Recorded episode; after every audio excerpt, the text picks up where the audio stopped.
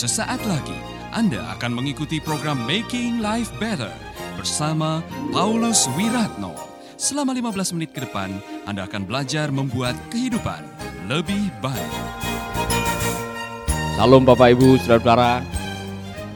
Senang sekali pada hari ini masih bisa diizinkan oleh Tuhan untuk menjumpai Anda semuanya. Tentunya doa saya Anda sedang dalam kondisi diberkati, sehat walafiat, mengalami pertolongan Tuhan. Amin. Haleluya. Adakah pengalaman baru pada hari ini yang saudara rasakan? Saudara-saudara yang sedang mengimani sesuatu, ada sebuah gairah dalam hidup saudara. Amin. Saya mau melanjutkan apa yang saya bahas beberapa hari ini tentang peranan kuasa Roh Kudus dalam kehidupan kita. Peranan Roh Kudus dalam kehidupan para hamba Tuhan. Peranan Roh Kudus dalam kehidupan sehari-hari. Peranan Roh Kudus dalam pelayanan kita. Ternyata saudara-saudara di dalam kisah para rasul kita diberi contoh betapa luar biasanya peranan roh dalam pelayanan. Mari kita akan lihat pelayanan seorang rasul yang luar biasa, yaitu Rasul Petrus, yang dipakai Tuhan dengan cara yang luar biasa. Kita akan melihat di dalam kisah Rasul pasal yang keempat. Saudara akan menemukan kisah yang menarik di situ, saudara. Di dalam kisah Rasul pasal yang keempat, saudara menemukan kisah di mana Petrus dan Yohanes dipakai oleh Tuhan, tetapi hasil daripada pelayanan, respon dari orang-orang uh, yang tidak menyukai, membuat mereka mengalami kesulitan. Mari kita akan lihat. Kisah para Rasul, pasal yang keempat. Sementara Petrus dan Yohanes masih berbicara dengan orang-orang itu, imam-imam kepala dan komandan pegawai rumah Tuhan serta orang-orang Saduki datang kepada Petrus dan Yohanes. Jadi kemarin kita menceritakan mengenai mujizat yang terjadi, orang lumpuh dari lahir yang duduk di pintu gerbang indah tapi hidupnya tidak indah, tapi oleh karena percaya kepada apa yang dilakukan oleh uh, Simon Petrus dengan Yohanes, mereka mengalami keajaiban. Itu membuat gempar.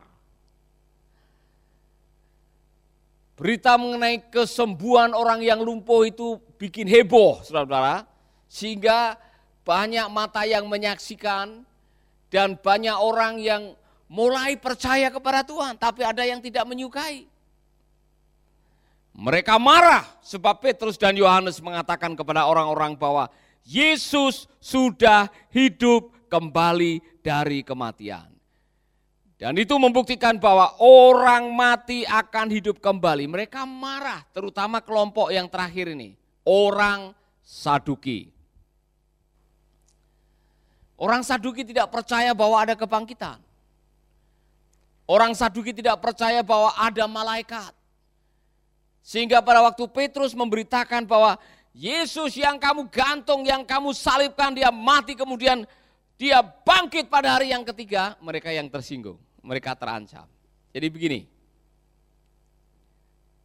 kisah Rasul pasal 4 memberitahukan kepada kita bahwa melayani Yesus berarti Anda harus siap menghadapi ancaman.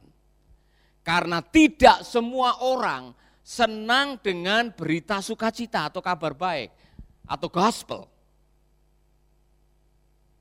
Menarik.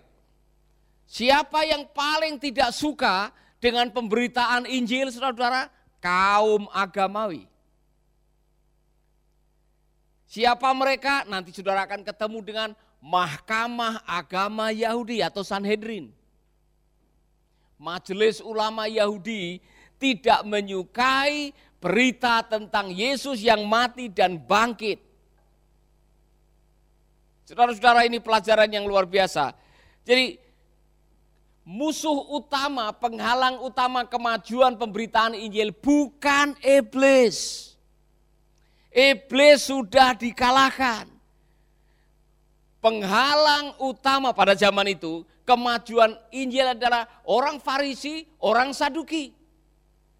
Mahkamah agama artinya apa? Orang yang agamawi. Roh agamawi adalah penghalang utama kemajuan pemberitaan Injil. Mengapa mereka menghalangi pemberitaan Injil? Karena pemberitaan Injil mengancam mereka, terutama orang yang merasa paling benar, orang yang merasa sok benar, orang yang katanya membela kebenaran, tapi hidupnya tidak benar. Menarik buat kita perhatikan. Sampai hari ini, saudara-saudara, masalah ini masih dihadapi oleh hamba-hamba Tuhan yang melayani. Kadang-kadang yang menjadi penghalang utama bukan iblis, tetapi orang-orang yang merasa dirinya paling benar, merasa agamanya paling benar, merasa dirinya sebagai pembela kebenaran, sehingga berita yang benar tentang gospel itu dihalang-halangi. Maka saudara-saudara yang melayani Tuhan bersiap-siaplah untuk menghadapi orang Farisi yang akan menghalangi pelayanan saudara. Amin. Pernah ketemu dengan orang Farisi? Apa tanda-tandanya, saudara? Ya, wow. Katanya pada zamannya Tuhan Yesus itu orang Farisi itu kelihatan rohani, kelihatan agamawi, tapi hatinya kadang-kadang jahat. Ya kan? Kalau berdoa di perempatan-perempatan katanya, supaya dilihat orang, kelihatan dari luarnya rohani yang Tuhan Yesus gambarkan seperti kuburan yang dilabur putih. Anda masih bersama Paulus Wiratno di Making Life Better.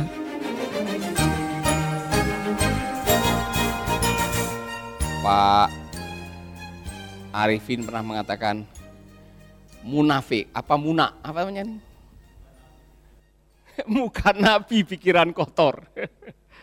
munak munafik. Jadi saudara-saudara, orang-orang ini ada di mana-mana. Saudara nanti akan bertemu dalam sebuah organisasi keagamaan, saudara akan ketemu dengan orang-orang ini yang menjadi penghalang.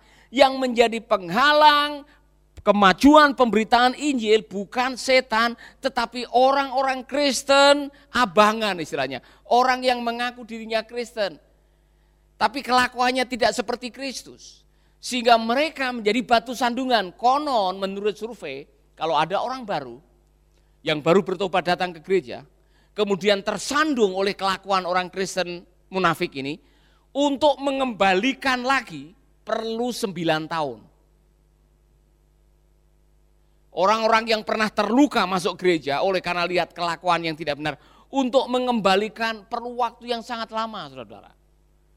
Itulah sebabnya Mari kita belajar buat diri kita sendiri, hindarkan menjadi orang yang sok benar, ya kan?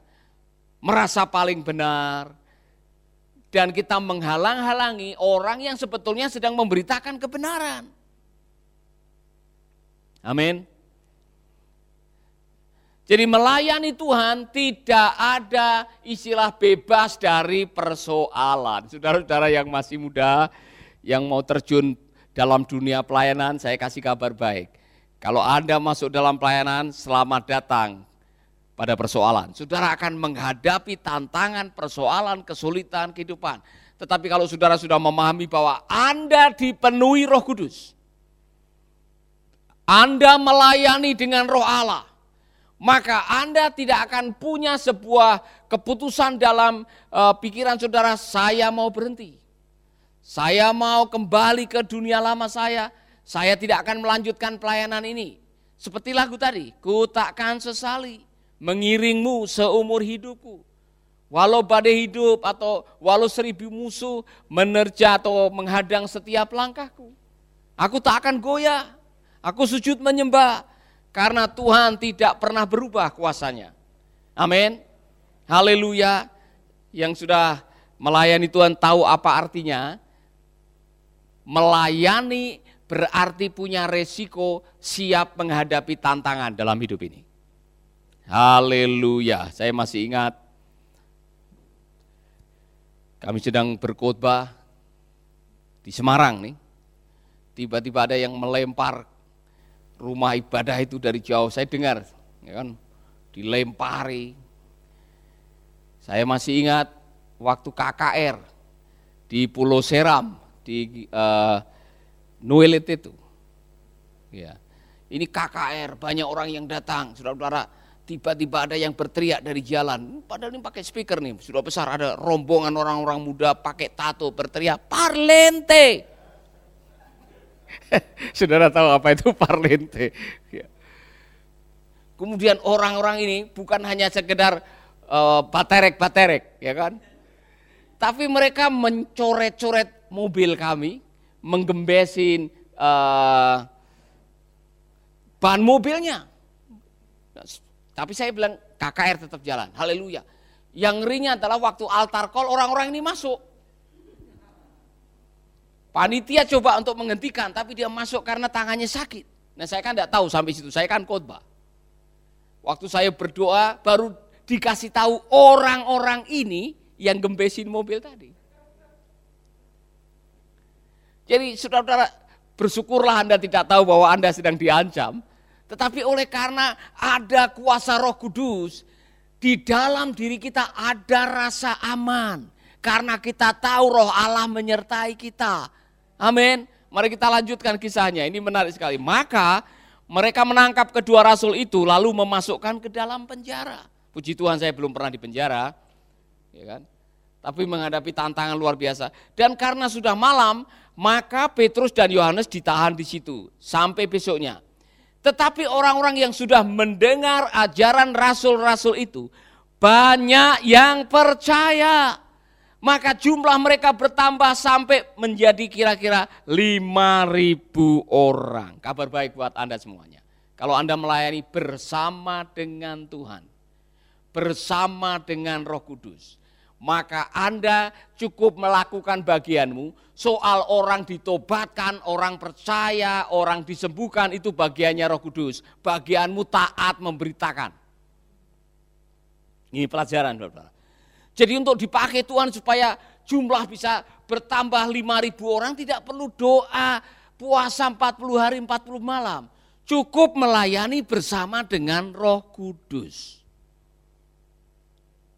Pelajaran buat saudara-saudara, pelajaran buat kita semuanya. Anda, saya mengatakan mungkin waktu di sekolah Alkitab mahasiswa paling rendah nilainya barangkali. Ya kan? Mungkin Anda tidak punya banyak skill.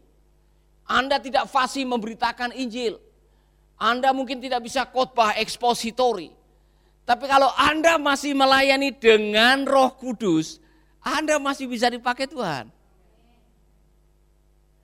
Haleluya. Amin. Sahabat, Anda baru saja mendengarkan Making Life Better bersama Paulus Wiratno.